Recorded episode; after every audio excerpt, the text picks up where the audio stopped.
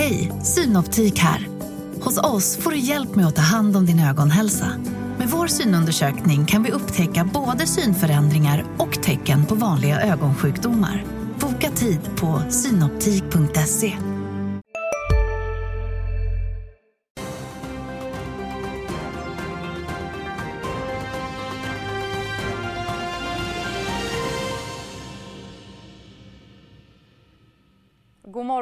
är dan före dan före dopparedan och ni är varmt välkomna till Börsmorgon. USA-börsernas lyft, eh, lyft var på bred front igår omkring 1,5 procent. Asien följer med i den riktningen under morgonen, framförallt Hongkong stiger nästan 3 procent. Terminen för Stockholmsbörsen den säger en mycket försiktigare öppning här hemma men ändå med uppgångar på strax under en halv procent. I dagens program ska vi bland annat prata om Embracer som till slut flyttar från First North till Stockholmsbörsens huvudlista. Småbolagen har haft ett riktigt jobbigt år. Fortsätter det under nästa år eller kan det lätta härifrån? Och så gör vi såklart vårt bästa för att försöka få kläm på hur 2023 kommer bli. Med för att försöka få kläm på det här är Lasse Lundgren, förvaltare på Aktieansvar och Johan Thorén från Strand Kapitalförvaltning. Tack och välkomna. Tack så mycket. Hörrni, är det för sent att hoppas på ett julrally? Eller är det typ deadline idag? Eh, det drar ihop sig va? Ja, I alla fall. ja. Det får man säga. Ja, ja, lite har vi nog eh, missat tåget där. Jag, jag hade förhoppningar om ett djurrally eh, men eh, nej, det kom inte riktigt. Nej. Det var ECB som eh, sabbade den möjligheten. Ja, det var spiken i kistan. Ja. Det var det nog faktiskt. Gustaf von Sivers, vår eh, bidragare till gårdagens julkula, sa en väldigt fin dikt att 2022 gärna får vara över på grund av alla hemskheter som utspelat sig. Nu vänder vi blad. Känner ni likadant? Absolut. Ja, verkligen. Skönt att höra, då är vi på samma spår och kanske inte bara jag som tycker att hela 2020-talet har börjat jätteuselt. Men ni är ju annars något av småbolagsexperter och det har ju inte heller varit ett roligt år. Hur, ser ni, hur summerar ni det? Det har hänt så otroligt mycket. Vi sa det här innan att kriget pågår ju fortfarande och man har ju nästan glömt av att det startade. Alltså, vi, vi inledde ju med någon form av eufori efter corona vi tänkte nu äntligen och så smäller det här på. Mm. Eh, på ett sätt som slog oss ja, betydligt hårdare än vi tror. Tror Mm. du kanske? Och, och det som har slagit extra hårt på små bolag är ju då att räntan har stigit upp eh, och det, då slår det mot allt som är räntekänsligt och då klassas tillväxtbolag in. Tillväxtbolag är ju en ganska stor del inom småbolag och det finns en hel del fastighetsbolag också inom småbolag som har liksom fått oerhörda kurspåverkningar. Vi vet ju att småbolag går sämre än medel och stora bolag i tuffa tider. Ja. Men har det varit liksom extremt i år? Alltså är det orättvist nästan? Jag tror att vi har drabbats en hel del av att fastighetsbolagen då, småbolagsindex vi ser här har ju gått väldigt, väldigt bra och det har ju drivits lite grann av att 20 procent tror jag, Carnegie Small Cap har varit Mm. av fastighetsbolagen som har drivit på just i Sverige då. Och de har ju kommit ner. Eh, en del har ju liksom utgått på toppen för att de blev för stora. Nu Mm. kommer de ju göra comeback snart Precis. i index. Samtidigt under den senare delen av året, då har ju många lyft att just värderingarna är nästan, ja men de är nästan orimliga nu. Liksom. Nu går det kanske inte riktigt att hålla sig borta åtminstone om man har lite kassa över eller om man har möjlighet att tänka lite längre. Är det dags att gå in eller kommer det bli jobbigt även kanske nästa år? Nej, men det kommer säkert vara en, en hel del frågetecken och utmaningar på marknaden framöver här också. Men jag håller helt med om det. Det är ett jättelockande läge och jag, rekommendationen är, tycker jag, det är köp successivt i den här marknaden. Som alltid, successivt. Mm. Säger du Lasse? Ja absolut. Jag menar, det här är ju det är svårt att säga att man ska köpa just idag. Men alltså det, är, det är ju troligtvis här och några månader framöver som vi på något sätt kommer att se någon botten om inte allting förvärras. Då. För att ekonomin den kommer ju att bottna säkert i slutet, slutet på 23, kanske början på 24. Men börsen är ju så långt före så att det är nu och framåt som köpläget uppstår. Absolut, och, och vi går ju mot ljusare tider. Inte bara att vi hade då för 8-10 timmar sedan något med, med eh, att vi hade vintersolståndet. Eh, så att vi går mot ljusare tider i det avseendet med. Men snart kommer vi se att vintern börjar ta slut. Eh, vi kommer att inte vara lika beroende av elpriserna och att det blåser. Eh, vi kommer att kunna, eh, Riksbanken kommer att se om man väljer att titta på lite kortare statistik och inte bara årsstatistiken, hur inflationen utvecklas, så kommer man se att priserna sjunker. Eh, det kommer göra att man inte höjer, förhoppningsvis väljer man då att inte höja lika kraftigt som man har gjort tidigare. Eh, utan att kanske planar ut det här. Det kommer tas som något positivt av marknaden och då blir det en ny så här eh, tematisk mm branschflytt. För det såg vi direkt när räntan började gå upp. Då var det väldigt många som valde att Sälj allt som har med räntekänslighet att göra. Sälj all tillväxt. Spelar ingen roll vilka fina bolag det är där som kanske inte alls är beroende av eh, räntor eh, egentligen. Va? Sälj allt som är stämplat tillväxt.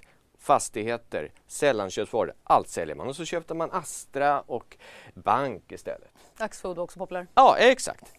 Eh, men det är bara en tidsfråga innan vi ser det skiftet igen, men åt andra hållet. Mm. Men det kommer vi ske, se när vi kan tyda på att ah, räntan kommer nog inte fortsätta upp i oändlighet. Jag får, jag får fortsätta med det här tematiska spåret för det är så intressant eh, lite efter nio också. Men när du säger det där med att man väljer att liksom gå ut med, med, allt som skulle kunna vara exponerat på ett sätt som inte är superdefensivt eller konjunkturokänsligt så kommer jag att tänka på Embracer. Och det är ju dagens mm. kanske, det är inte en nyhet i bemärkelsen att det är ny information men idag sker det ju till slut att de byter till huvudlistan från First North. Äntligen! ja. Och då är frågan, har handel redan gjorts eller får det effekt härifrån? Eh, det skedde en del efter stängning igår. Jag tror det var 4 miljoner aktier Aha, som eh, lappades just det. någonstans, eh, via Carnegie. Och, och eh, nej, jag tror inte att all handel är gjord i, där. För att tittar man, jag tror att det är 3,5 procent eller något sånt där av eh, ägandet i Embracer idag som ägs av passiva indexfonder. Mm. Eh, jaha, är det mycket eller lite? För ett bolag på stora listan så är det lite. Där ligger det på i snitt drygt 10 procent. Mm. Eh, så att det sannolika är att det var sådana aktörer som köpte här direkt efter stängning igår och vi kommer se fortsatta eh, köpströmmar. Ja, så är det absolut. Och du måste ju ligga på huvudlistan eller på riktiga börsen för att komma med i de här eh, riktiga indexen som liksom möjliggör för passiva investerare och köpare. Mm. Sen är det väl så att det är mest för utlänningar tror jag. Det spelar större roll. Vi svenskar har ju genom åren justerat våra placeringsregler kanske lite grann. Att vi kan köpa på andra listor än just Stockholmsbörsen. Vår eh, analytiker Johan Wendel han har inför bytet idag skrivit en analys och han säger att ja, det här är bra och lite mm. äntligen också som du säger Johan. Men det återstår väldigt mycket jobb. Jag kan väl sammanfatta det med att Bracer behöver vinna tillbaka marknadens förtroende. Håller ni med? Ja, absolut. Eh, man, eh, tappade ju en hel del av det förtroendet vid eh, senaste rapporttillfället. När man kommunicerade, tror jag, på ett klantigt sätt. Eh, man kanske inte riktigt menade det på det viset, men marknaden tog emot det att eh, från den affärsmodell man haft innan, att man bara förvärvar och blir eh, fler och fler, man kan lägga på eh, studio efter studio, det är inga problem. Så säger man helt plötsligt att ja, men vi funderar på att kanske eh, dela upp bolaget. Eh, I alla fall var det så marknaden tolkade mm. det och det eh, tror jag var förödande för kursen. Sen har man ju också byggt, när, man gjort alla de här förvärven så bygger man en enorm eh, massa av immateriella rättigheter vad man ska säga. Vi började för fyra år sedan med 10 miljarder kanske och har idag närmare 90 miljarder. Det här är ju någon form av värde. Det är dels upparbetade kostnader, det är ett värde i IP-rättigheter och sådana saker och här får det inte finnas, det får inte komma in en fruktan om att de här värdena inte stämmer. Då är det lite som att fastighetsbolagens värderingar mm. inte stämmer för att då börjar marknaden direkt wobbla. Mm. Men Johan, är det förödande för att det är fel väg att gå eller för att det bara är en negativ signal? Det är en, en signal som inte marknaden var beredd på för att eh, man har haft ett annat, man haft ett del frågasättande. Hur ska man klara av det här? Det har inte varit några problem alls har man kommunicerat ut. Mm. Helt plötsligt så är det tydligen ett problem. Mm. Eh, och då är det väldigt viktigt hur man kommunicerar det från ett bolags sida till marknaden för att inte väcka den här vargflocken. Det finns en mm. vargflock där ute som är blankare. Eh, Ilias känner ju till det här mycket väl. Va? Att så fort de kan få vittring på ett byte, då samlar de ju ihop sig och så slår de på det bolaget genom att bara sälja på aktier mm. som de inte äger. Eh, och Eh, det där, det, det lockar. Det är ju som att stå med en köttbit framför den här vargflocken genom att komma med det uttalandet. Mm. Och de aktierna blir lättare att få tag i nu när man går in på riktiga börsen. För nu har det inte varit ett jättestort problem att få tag i Embracer-aktier och låna. Eh, men när du går in på börsen och du får in passiva investerare, då kommer kostnaden för de här aktielånen att gå ner. Jag kollade igår, det låg runt 4% att låna Embracer-aktier, kostnaden då. Eh, den kommer att sjunka. Men paradexemplet är ju när Fingerprint kom in i OMX. Då. Mm. Det, kostade, det fanns ju nästan inga aktier att låna från början. Det kostar runt 20% per år. Sen när de går in i OMX, då lånar ju passiva investerare ut aktierna. Kostnaden går ju till noll. Mm. Och det gjorde också kursen. Tråkigt nog. Eh, det, mm, det låter ju då som det finns fortsatt stöd att vänta men att kanske inte, det finns också i kommunikation och i, i frågetecken kring bolaget som gör att det kanske inte bara är guld och gröna skogar. Men vem har haft det det här året? I vårt eftermiddagsprogram Börskoll då får ni träffa Lars Wingefors, VD för Embracer, när han kommer till vår studio. Men det är ju annars kanske snarare så att vi har kunnat döpa om det här programmet till Makromorgon det här året med tanke på hur det fullkomligt dominerat 2022. Så att varför inte slänga in några till siffror i den kategorin från morgonens skörd. Producentprisindex, PPI, för november steg 2% jämfört med oktober, 19,5 jämfört med november i fjol. Detaljhandel för november visar att den faktiskt steg drygt 2% jämfört med oktober, men den har minskat med drygt 6% jämfört med november i fjol. Och sen har finansminister Elisabeth Svantesson haft en presskonferens där hon förutspår en inflation på 6% för helåret nästa år. Var vill ni börja? Procentpriserna kanske? Plus 19,5 year over year. Ja, det här tycker Ouch. jag Ja, det känns ju högt naturligtvis. Och jag tycker ändå att det bekräftar lite grann när man pratar med bolagen. Jag tycker att eh, många bolag vi har pratat med säger att det är 10-20% upp alltså på deras inputkostnader. Och då blir jag lite orolig för att inflationen ska komma ner fort. Därför de måste ju hålla kvar sina priser om inte marginalen ska sjunka här. Så att eh, inflationen, ja, på väg ner. Vi skulle vilja se lite bättre här faktiskt. Samtidigt säger man råvarupriserna har kommit mm. ner, eh, fraktraterna kommer ner. Eh, det borde väl hjälpa till? Det kommer hjälpa till på sikt, ja. Men det är ju väldigt få som bara köper järnmalm eller köper bara båtfrakt från Asien. Så att, eh, mycket av den inhemska logistiken i Europa, lastbilschaufförer, frakter och sådana saker, de har ju inte alls kommit ner. Vi tittar ofta på de här siffrorna vi ser. Det är ju just råvaror, båtfrakten från Shanghai till Los Angeles och de här grejerna. Mm. Och de har ju fallit som en sten. Så, men det är ju en liten del för att det, mycket av komponenter, delar, de är ju bearbetade. Det finns ju en value added och lönerna har gått upp och allt det här. Ja, det skiljer ju väldigt från bolag till bolag, men jag håller med dig absolut. Mm. absolut. Det är en, en, stor del som inte får någon större lättnad ännu, men, men medan andra kanske känner av det mycket, mycket mer. Eh, så där gäller det att vara ganska så selektiv när man tittar på vilka är det som drabbas eh, eller gynnas i det läget som nu då börjar lätta. Men också ganska lite missförstått tolkar jag det som Lasse. Att just, för att det är många av våra gäster som har sagt det. Ja men råvarupriser ner eh, och ehm, eh, fraktraterna är ner. Och just fraktraterna har lyft så otroligt mycket. Jag förstår det med tanke på hur mycket båtfrakt som görs över mm. världen. Men pratar vi Europa så är det väl snarare lastbilar eller något liknande. Eh, exakt, jag tror att fraktraten är så viktiga därför att det är mer ett tecken på att komponentsituationen har löst sig och att det är lättare att få tag i komponenter för det hänger lite ihop det här, alltså vad komponenterna kostar och att det överhuvudtaget går att frakta dem och få tag i de här. Va? Så att jag tror att man tittar lite mer från det sättet. Det, det låter lite oroväckande. Om priserna kommer ner så är det naturligtvis bra. Och, och självklart är det så att råvarupriser och fraktrater kommer förr eller senare att slå igenom på produkten här nere också, även komponenterna.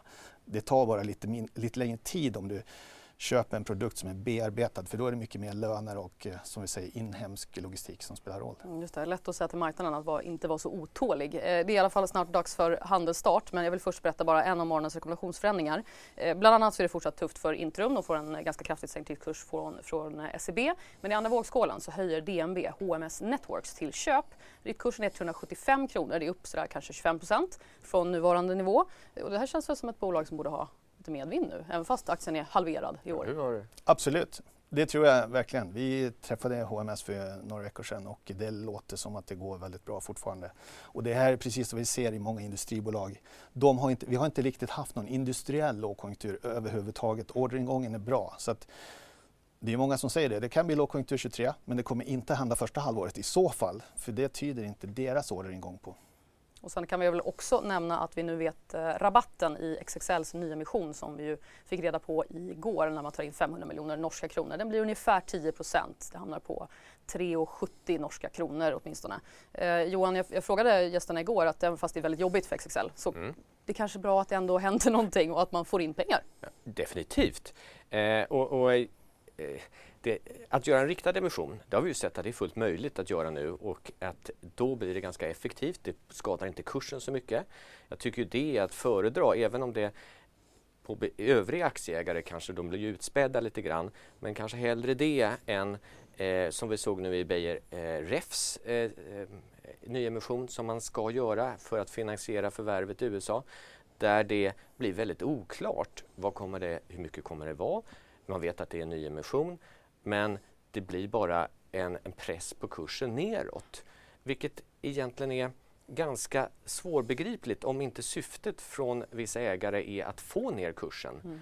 Eh, vi har sett samma sak i Securitas när man gjorde det förvärvet för ett år sedan. Och sånt där. Vi har satt, det var det Smart Eye också som hade liknande. Va? Eh, jag skulle säga att det är mycket bättre om man vill liksom vårda sin kurs att försöka hitta med en form av emission som man gör direkt riktad mot några eh, finansiella tagare. För det finns muskler där ute att hitta. Det kunde man ju se nu med XXL. Men keep it simple. Ja. Mm. Med det säger vi att eh, klockan har slagit nio. Börsen är öppen. Vi går ut till Marknadsstudion.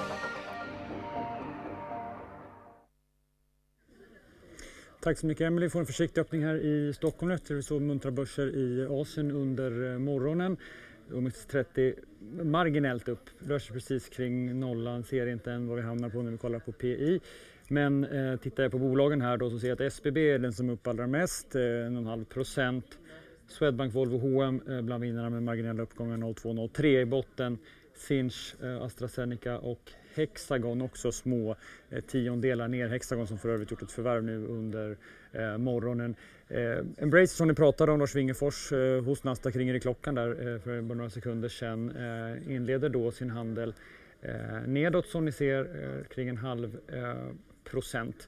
Sen var ni inne på det, det var mycket data under morgonen. Ni har nämnt de flesta siffrorna så jag ska egentligen inte eh, ta igenom dem igen. Men jag kan bara lägga till när ni ändå pratade om Elisabeth Svantesson, finansministern och regeringens nya eh, prognos. Förutom eh, inflationsprognosen då så eh, hade man ju lyssnat in vad KI sa igår och eh, gjorde samma bedömning. Vi är på väg in i en lågkonjunktur som kommer vara fram till 2025 eh, och man skruvade också ner sin BNP-prognos för nästkommande år. Inte lika mycket som KI som eh, gick ner till under 1 procent eh, negativ tillväxt utan istället så säger regeringen 0,7 procent nästa år. Dessutom så spår man en arbetslöshet eh, under nästa år på 7,8 procent. Och så har vi också fått lite data från detaljhandelns olika delar, sko och klädsiffror som förstärkte den där bilden vi fick från Handelsbarometern igår då och detaljhandelssiffrorna nu på morgonen som var ner nästan 7 year on year. Ehm, tillbaka till bolagen på börsen. Det har varit lite mindre nyheter under morgonen men det har rört sig en del i fastighetssektorn. Ehm, Logistea har fått in en ny ägare. Ehm, det rör sig om Nordica som har sålt fastigheter i Västsverige eh, och tar plats i ägarledet. Castellum har sålt lite fastigheter i eh, Jönköping. Aligo, nu lämnar vi eh, fastighetsbranschen, har istället förvärvat lite under morgonen. Det har också Seafire gjort och dessutom så gjorde man en emission som man gjorde klart här under natten Eh, gillar marknaden, handlar upp den där rejält för att den där emissionen gjordes till kursen 19 eh, kronor. Och på tal om emission så gjorde även Midsummer precis en liten, liten emission. Eh, likt Impact Coatings, eh, nu pratar vi lite mindre bolag här då, men det gör ni också i studion. Eh, men här är ännu mindre. Eh, inget avslut där, men eh, de gör en emission, tar in pengar, ska satsa på USA säger man. Eh, ser ut att få en eh, kraftigt nedställd där. Eh, för mig att eh, emissionen sattes till någonstans på 4 kronor så att den handlas ändå över var pengarna togs in någonstans. Och så glada nyheter från Danmark. Sydbank höjer sin prognos för det här året men man säger att det går ändå bättre eh, och man handlas upp i Köpenhamn. Och så noterar jag att Saab också stiger efter en finsk order på 800 miljoner kronor. Och när ni var inne på eh, rekar och riktkursförändringar där innan öppningen precis, HMS som ni nämnde stiger nästan 5 Noterar också att flera analytiker är ute och skruvar ner konjunkturkänsliga bolag. Igår stod jag och pratade om Boliden och eh, Billerud där analytikerna såg att eh, råvarupriserna kommit ner. SSAB eh, får en sänkt rek idag från Danske Bank som går ner till eh, sälj. Jag hade tidigare en, en behållrekommendation på den där aktien som ni ser eh, tar det fart neråt på en annars ganska så stillsam börs, Emelie. Ja, jag tycker att jag känner igen det här mönstret eh, nu för tiden att det börjar lugnt och sen så kan det sluta lite hur som helst. Men kan vi notera bara Embracer det verkar inte vara jättemycket handel och så sådär noll. Nej, jag kan bara konstatera att jag, som vi sa här tidigare, jag tror att många svenska investerare redan är inne i det här bolaget och liksom de som tycker om det här, de är nog, de är nog med där. Uh, för att utlänningar ska upptäcka det här att det ligger på börsen så kommer det att ta några dagar. Mm. De måste screena lite grann och sitta vid årsskiftet och kolla över vilka bolag som finns. Var det något annat ni eh, reagerade på? Du hörde några bolag där, Johan lät som Logistea och några andra som... Ja, nej, det var bara intressant att se att det kommer in eh, ytterligare, eller en ny eh, betydande ägare, Logistea, via en kvittningsemission. Exakt. Men... Vi återkommer till börsen innan vi slutar för den här morgonen. Men eh, vi fortsätter att bredda bilden, lämna kurserna och försöker att eh, spåna lite om, om framtiden. Först så Lasse måste jag då säga mm. med tanke på att du var hos oss tidigare i höst med ja. spaningen Tillbaka till framtiden, vilket vi pratade väldigt mycket om igår och som verkar vara nu lite nya konsensus kanske att Eh, Eh, med tanke på att eh, det finns en räntemarknad nu att faktiskt få avkastning på så kommer inte allt kapital tryckas in till börsen vilket innebär att kanske värderingarna kommer ner lite grann, lite mer normalt så att säga. Jag tänker mig att du känner att du fått vatten på din kvarn.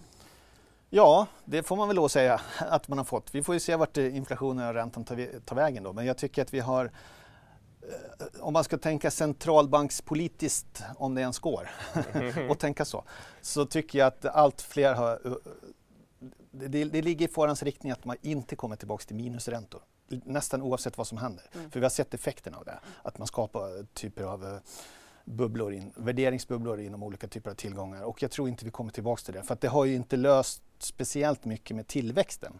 Vi har ju harvat på här i Europa med låg tillväxt i, i ett decennium nu faktiskt. Så experimentet är över? Jag tror att det experimentet är över.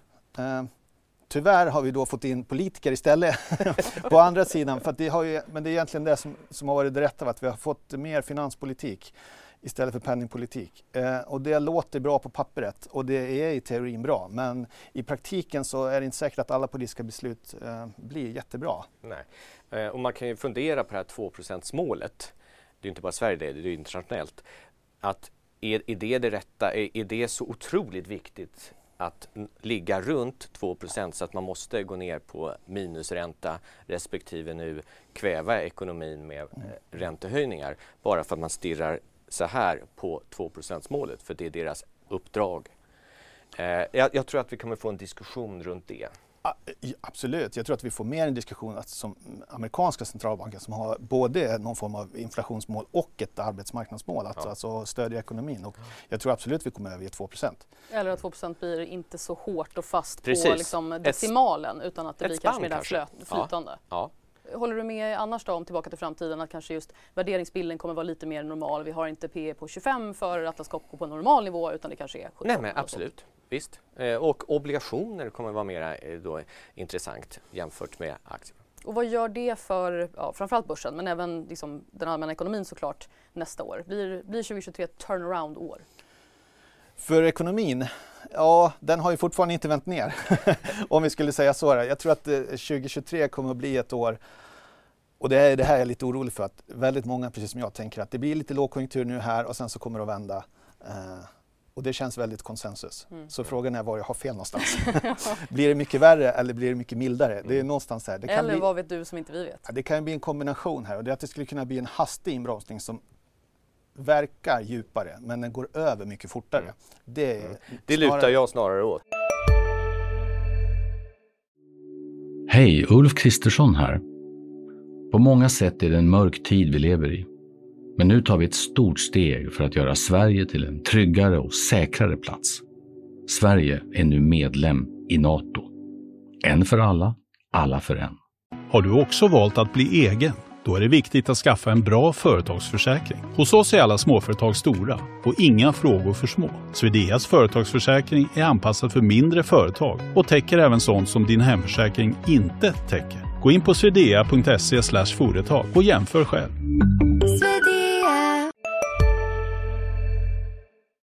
Eh, och den kommer vara kraftig mm. så att man, precis som Konjunkturinstitutet igår indikerade att eh, man förväntar sig till och med en sänkning av räntan i slutet av 2023. Eh, och det är fullt möjligt att blir det en tillräckligt kraftig nedgång, ja, men då måste man få igång det här igen. Mm.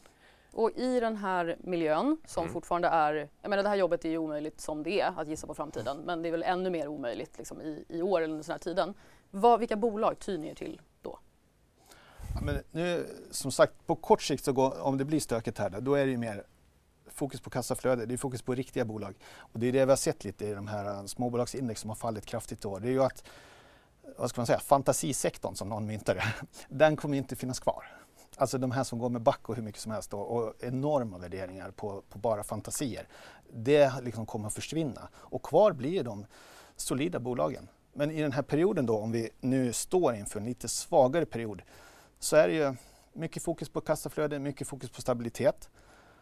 Men man ska inte glömma att det här som vi sa, det här är ju perioden som du ska vara köpare på de här dipparna. Exakt. När det här faller. Mm. Om de här riktigt bra bolagen kommer ner, ett Atlas som faller från P 25 till 2017 eller vad det kan Mm. bli, då ska du vara med. Samma sak på småbolagen då som är bra. Beijer Ref vi pratade om här till Mm, exempel. Om den faller ännu mer på Mm. grund av det här emissionstrasslet, ja. Ja men visst, då ska man vara med. Mm. Eh, och jag, jag säger att många småbolag har ju liksom inte haft den här studsen uppåt utan har bara haft en, en stor eh, våt filt över sig. Att det finns en hel del, vad man ska säga, pärlor att plocka på de här nivåerna. Och att, om jag ber er vara specifika, jag börjar med Lasse, om Mm. kanske en pärla du vill plocka.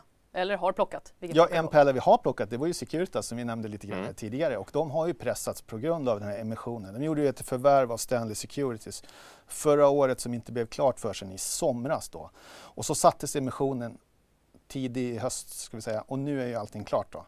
Och det var just den här grejen att vi visste inte vad kursen skulle bli så aktien pressades hela tiden och nu sattes den. Mm. Men de har ju då gjort en lite av en transformation. Det här är ju gamla Niskaya som vi alla känner till som man fick köpa tillbaka nu för 32 miljarder som man en gång i tiden delade ut eh, som Stanley köpte. precis. Så att eh, man får bita i det sura äpplet ibland och Ja. inte titta i backspegeln för mycket. Vindrutan är större än backspegeln så Mm. att vi tittar framåt nu. Mm. Men nu får man ju mer teknikinnehåll i Securitas och man kan få upp marginalen här. Eh, det här tror inte marknaden riktigt på. Nej. För då skulle inte aktien hamna i 85. Och varför tror de inte det? Vad tror de kommer tala emot Securitas? Eh, Det som talar emot här det är egentligen Securitas stabilitet genom åren för att Mm. marginalen har alltid legat på 5,1 procent ungefär ebitda-marginalen. Och så har man varit orolig också för att löneökningarna ska slå igenom för att eh, alla eh, då Securitas eh, och andra att deras löner pressas upp framförallt i USA. Men det kunde man se i senaste rapporten att så var inte fallet riktigt. Eh, så att vi har också plockat den pärlan. Mm, mm. Så att, eh, ja. Okej, rörande överens. Ja, gå vidare till någonting annat. Har du någon till pärla som du vill plocka upp? Eh, Getinge är ju då ett bolag som har fått otroligt mycket stryk. Tappat inte 50 men nästan 50 procent i år. Nu ska vi ärligt säga att de kördes upp ordentligt under coronan. Därför att de är ju tillverkare av ventilatorer då och ECMO är deras stora Mm. eh, grej. Men de har gjort en resa under de här sista 5-6 åren. Förut var man ganska skuldsatt, man hade ungefär 10 miljarder nettoskuld. Men just den här coronasituationen och det interna arbetet har ju lett till att man idag har cirka en miljard nettoskuld. Man blir skuldfri under 2023. Och vad jag tycker är stabilt här det är att de här medicinteknikbolagen, inte bara Getinge, det gäller också Arjo och det gäller många utländska, de har haft otroliga problem med komponenttillförsel och personal på sjukhus i USA framför allt. Då.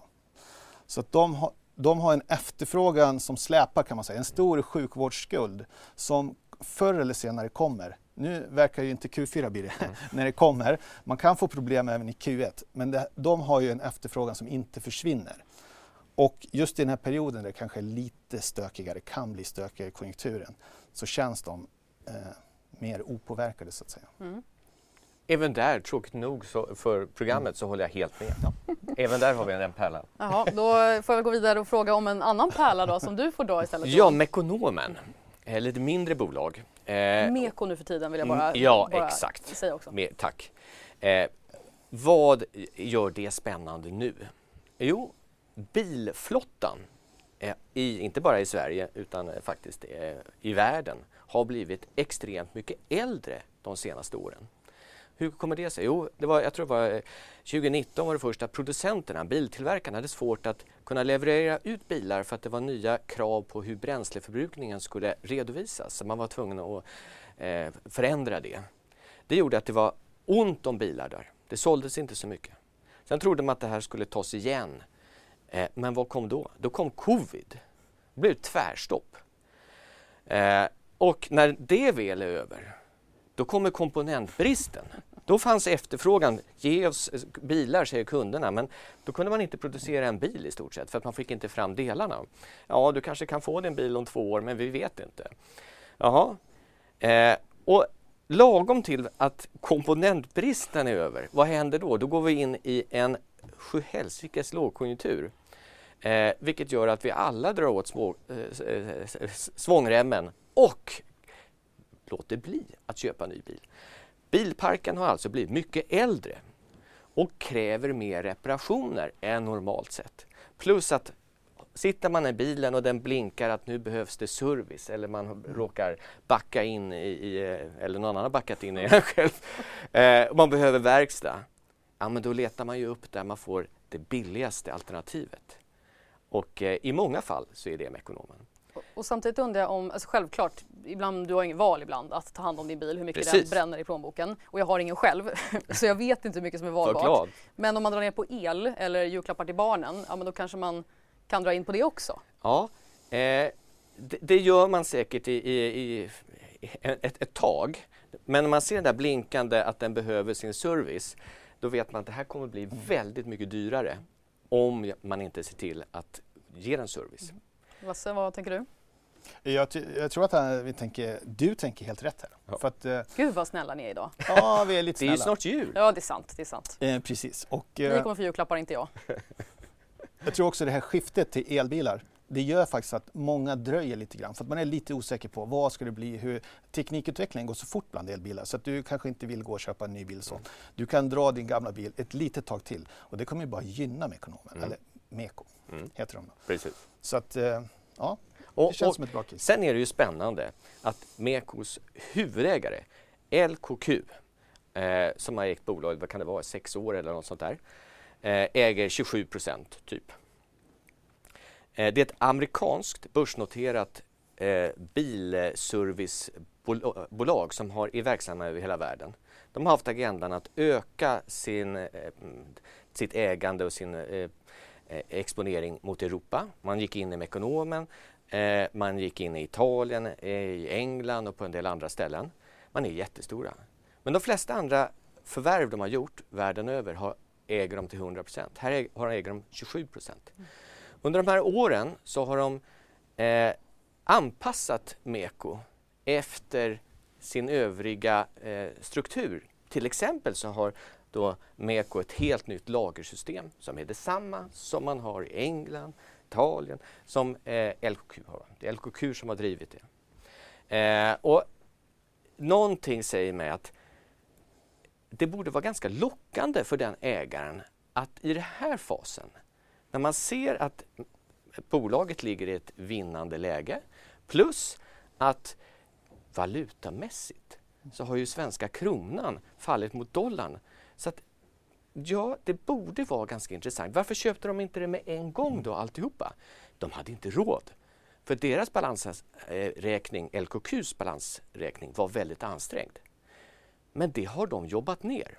Idag finns finansiella musklerna. Mm.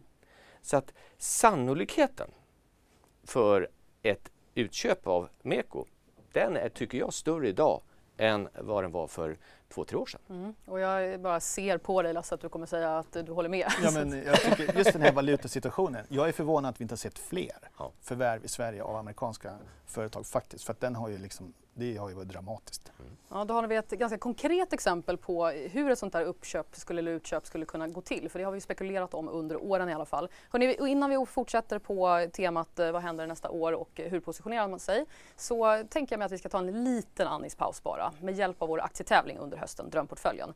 Paul Nastase från Helsingborg, det blev vinnaren med sin utveckling om plus 116 procent på 10 veckor. Han kammar hem 100 000 kronor. Alltså, min tanke var att jag skulle plocka in i min drömportfölj alla de här bottenfiskarna och det har jag gjort. Jag har tagit in Biko, Sinch, BHG i början och det har funkat ganska bra. Ganska bra var ordet. Det är bara jag som får prestationsångest. ja, det är en bra. Ja, men visst. Vad så, tio veckor? Ja, ja. ja. ja. men det tänker helt rätt. Mm, det, ja. No, Välkommen till branschen. Exakt, verkligen. Det är bara att börja ringa runt. Eh, nog med andningspausen då. Eh, Johan, har vi något annat nästa år som kommer att driva liksom, olika typer av teman, sektorer, utvecklingar? Mm. Eh, jag tror att hållbarhet kommer åter i fokus. Då kan man säga, men hållbarhet det, det hör vi ju hela tiden om. Ja, men i aktiemarknaden så var det tidigare ett fokus runt det. Det här året, 2022, har vi haft fokus på en del andra saker. Det, hållbarhetsdiskussionen har kommit i skymundan. Det kommer inte vara läget 2023.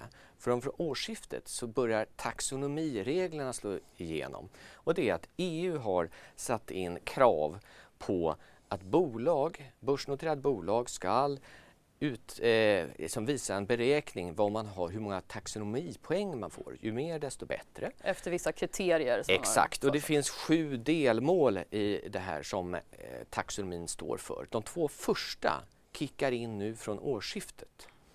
Eh, och det innebär ett enormt jobb för de flesta börsbolag att försöka gå, eh, få fram ett, någon form av värdering eller eh, poäng på det här. Tala om si och så mycket har vi av taxonomi. Jaha, men vad innebär det här förutom att det är en börda för eh, bolagen? Ja, det, i, I grunden är det här jättebra. Eh, men för oss då i marknaden. Eh, nu sitter varken du eller jag på bank, får man väl lov att säga. Då, eh, men jag kan bara tänka oss en bankstyrelse. Att där kommer alla vara rörande överens om den här banken, den fina banken, ska bara ha mörkgröna fonder. Och vad, vad är det, mörkgröna fonder? Jo, taxonomin, där blir fonder klassificerade efter olika färger. Och mörkgrönt är då väldigt bra, det finaste när det gäller hållbarhetsfrågan. Och då kommer de peka med hela handen och säga att vi ska ha det i den här fina banken. Och så går det ner eh, till slut till förvaltaren som förstår att ska jag ha jobbet kvar, då måste jag skruva om min fond eller mina fonder som den här förvaltaren på banken förvaltar till att få, få tag i så mycket taxonomipoäng så att den blir mörkgrön. För annars ryker jag. Och då kan man ju säga att ja, har man ett univers, vad, vad ska vi säga, 400 bolag kanske som de kan investera i, kommer det här krympa ner till att de fokuserar på kanske 150 av de där. Och så kommer man liksom fokusera på hitta poängen framför att hitta, åh det här bolaget är så rätt och är så lågt värderat. Det är ointressant. Det intressanta är att hitta poängen.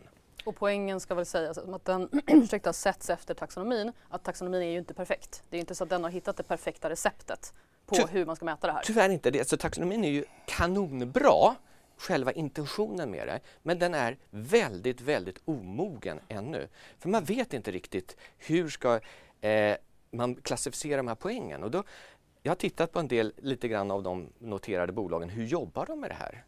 Byggbranschen, det är ett helsike för dem att kunna bedöma vad ska vi få för taxonomipoäng. För att är man en bostadsbyggare, då måste du kunna redovisa precis hur många blandare, alltså vattenkranarna, som är snålspolande. Har du inte satt in mm. snålspolande vattenkranar, eh, då får du minuspoäng i den här taxonomiberäkningen. Och då kommer problemet att det kommer inte vara något noterat byggbolag som vill bygga ett sjukhus. För att sjukhus, där är en annan regel, eh, regelkrav som säger att det får inte vara några snålspolande kranar där för av bakteriemässigt måste man ha liksom, kraftigt genomspolning. Så det finns en hel rad med, givetvis, barnsjukdomar i taxonomin. Så jag hade önskat att man hade kommit lite längre i det avseendet och varit tydligare hur man ska för företagens räkning beräkna det här. Nu riskerar, tror jag, eh, att vi, det blir en del snedvridningar. Och jag är övertygad om att när de här förvaltarna ska gå från universum 400 till 150 så kommer vi se väldigt konstiga kapitalflöden. Mm. Eh, och konstiga kapitalflöden, det kan man surfa på. Mm. Så att eh, det är intressant. Ja, och det här när man har kvantifierat det på det här sättet kommer ju att leda till index. Ja. Då plockar de fram index, alla de stora indexprovidersarna. De kommer ta fram det och så startas det passiva investeringsgrejer som bara investerar enligt vissa olika poäng och då struntar man helt i värdering. Mm. Så det kommer bara att polarisera den här. Och problemet med det här är egentligen att man har gått så fort med den här så att man går lite för fort för vår bransch och lite för långsamt för företagen. För att vi måste bedöma företagen. Mm. Så att om de inte har sin redovisning klar först så får vi lite problem. Ja.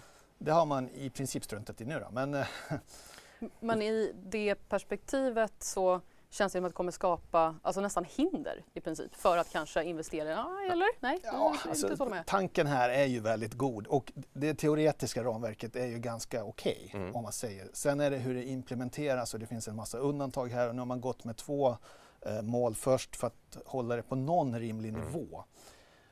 Det är fortfarande mycket guesstimate hur de här företagen eh, mm. får poäng här då, men det är liksom bättre än inget. Mm. Eh, och liksom, är, är man hållbar intresserad som investerare, oj vilken fond ska jag sätta? Ja, men då vill jag givetvis ha en då, nu mörkgrön fond eller en hållbar fond. Men sannolikheten för att den fondens innehav stämmer överens med ens egna preferenser vad som är viktigt för en själv när det gäller hållbarhet. Mm. Det skulle jag säga, den är minimal. Mm. För att vi har nästan huvudsakligen diskussionära kunder, det vill säga individuella där vi bygger portföljer efter varje individ. Och då diskuterar vi alltid eh, hur ser ni på hållbarhet? Hur ska vi förhålla oss för det här uppdraget? Och det är väldigt intressant för det skiljer mellan varenda individ. Man har helt olika eh, preferenser vad som är viktigt. För någon kan djurhållning vara det absolut centrala eh, medan någon annan eh, fokuserar på att det får inte vara vapen. Medan en tredje säger att ja, men det är okej okay med det men det ska inte vara något som eh, när det gäller koldioxidutsläppen. Eh, och jag förstår inte hur man egentligen, om man är intresserad av hållbarhet, ska kunna få sina preferenser mötta i en fond. För att i den fonden finns det garanterat en rad investeringar som man själv inte mm. gillar. Det är likadant i AP-fonderna. Titta på vad AP-fonderna investerat. Det borde ni på DI göra. Eh, och pre presentera gjort det. Ja, ja, presentera det. Jag lovar att många skulle bli högst upprörda. Och det låter också som, i vanliga fall när vi pratar teman, då kan man ju ganska lätt klumpa ihop och säga okej okay, den sektorn kommer gå ganska bra, den exponeringen kommer gå ganska mm. bra. Men om det nu kanske också beror på, ja men det här byggbolaget bygger ett sjukhus eller inte, eller väljer att bygga eller inte, mm. då är det ju svårt att kunna bara sådär sektors generalisera. Ja. För då måste du se till varje verksamhet. Absolut. Och, då, och, och där är det mycket enklare för oss att kunna sitta med en kund och säga att ah, det här är viktigt för dig, ja men då anpassa för, efter det. Men hur ska vi göra i det här förhållandet med det här byggbolaget? De bygger sjukhus. Ja, men det är bra. Eh, ja, men då kan vi göra ett undantag för dem. Mm. Och om vi ska försöka eh, bli också, vad ska jag säga, pragmatiska eller liksom, vad blir rådet någonstans? Att man ska att man ska som kanske framförallt investerare eller kund, att man ska ha en väldigt tät dialog eller att man får, vad, vad, kan man göra i det här läget för att inte helt bara hamna runt i den här, det där virrvarvet? Jag, jag tror att vi institutionella investerare måste försöka vara pragmatiska. Det är, men problemet är nivån högre upp, mm. det vill säga styrelserna på bankerna och eh, så vidare. Som, det är där de behöver vara pragmatiska och det tror jag inte de kommer klara av. Det är så väldigt lätt på en övergripande nivå att måla med eh, ganska breda penslar och ta mm. fram den mörkgröna färgen. För det låter väldigt bra och det ser väldigt bra ut på i ett protokoll eh, att vi har tagit de här miljöbesluten. Men när det kommer ner till hur ska vi göra i praktiken? Nej, och det här kommer att resultera i en hel rad med nya bubblor som kommer att då växa upp. Och, och, jag tänker från ett, om vi går längre ner i den där pyramiden, så tänker jag från ett eh, kanske kommunikations eller kundperspektiv. Mm. Att jag skulle åtminstone åberopa då att man är väldigt tydlig med det här. Liksom, enligt taxonomin får jag inte, eller någonting sånt, mm. så att man kanske kan förstå, åtminstone som kund, varför ja, saker sker. Det kommer att bli jättestor spridning. Mm. Eh, för det beror på hur olika fondbolag förhåller sig till de här reglerna, vad man vill investera i och så vidare. Men, men vi har ju alltid det här problemet att man slängs ihop i en stor grupp, man jämför sig med alla konkurrenter fast man kanske inte ens investerar i samma saker, man kanske inte följer samma index. Vad en kund ska göra det är egentligen höra sig av till bolaget och framförallt titta i en årsredovisning eller halvårsrapport, vad äger de? Titta alltid på vad, vad en förvaltare äger för det syns ju liksom mm. vad man har gjort i verkligheten. Mm. Vi, vi, vi, lämnar där för jag tänker att annars kan vi fortsätta det här i, i säkert två timmar till vilket har varit jätteintressant men vi vet att också typ våra tittare och ni har annat att göra. Så att jag får säga tack så mycket Lasse och Johan för att ni var med idag. Tack själv. Tackar, tackar. Tack. God jul. God jul. God jul. Och eh, vi ska stämma av börsen bara innan jag släpper er tittare också. Och det är eh, uppåt, det är en halv procent upp för eh, storbolagsindex i alla fall, så blivit lite mer muntert. Embracer ligger fortfarande där och liksom skvalpar lite kring nollan, händer inte jättemycket. När det kommer till Intrum då så har det stiger faktiskt de lite grann. Och om jag tittar på eh, terminerna för USA-börserna så säger de också att det kommer vara ganska lugnt vid öppning. Men som sagt, jag tycker att det har sett ut så under senaste tiden.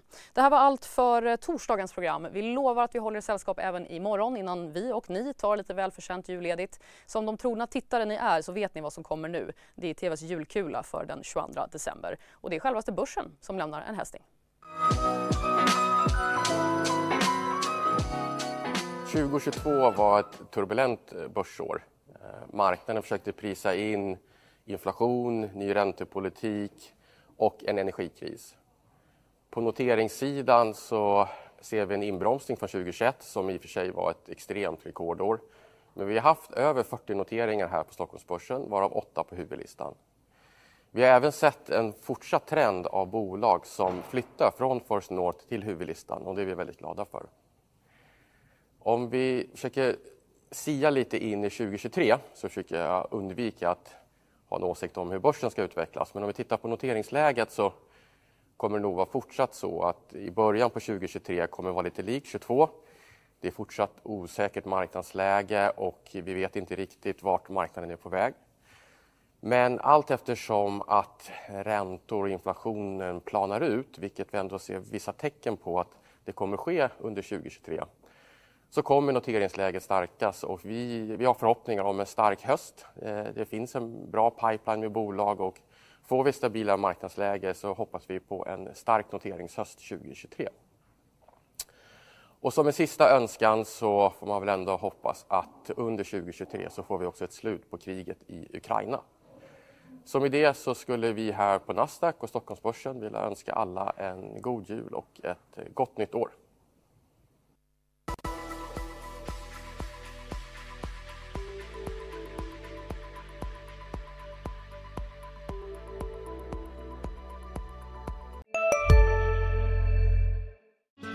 Hej, Susanne Axel här. När du gör som jag och listar dig på en av Krys vårdcentraler får du en fast läkarkontakt som kan din sjukdomshistoria.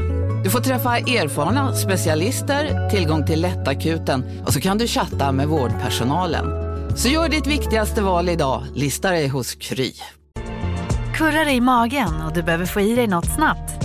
Då har vi en Donken deal för dig. En chicken burger med McFeast-sås och krispig sallad för bara 15 spänn. Varmt välkommen till McDonalds.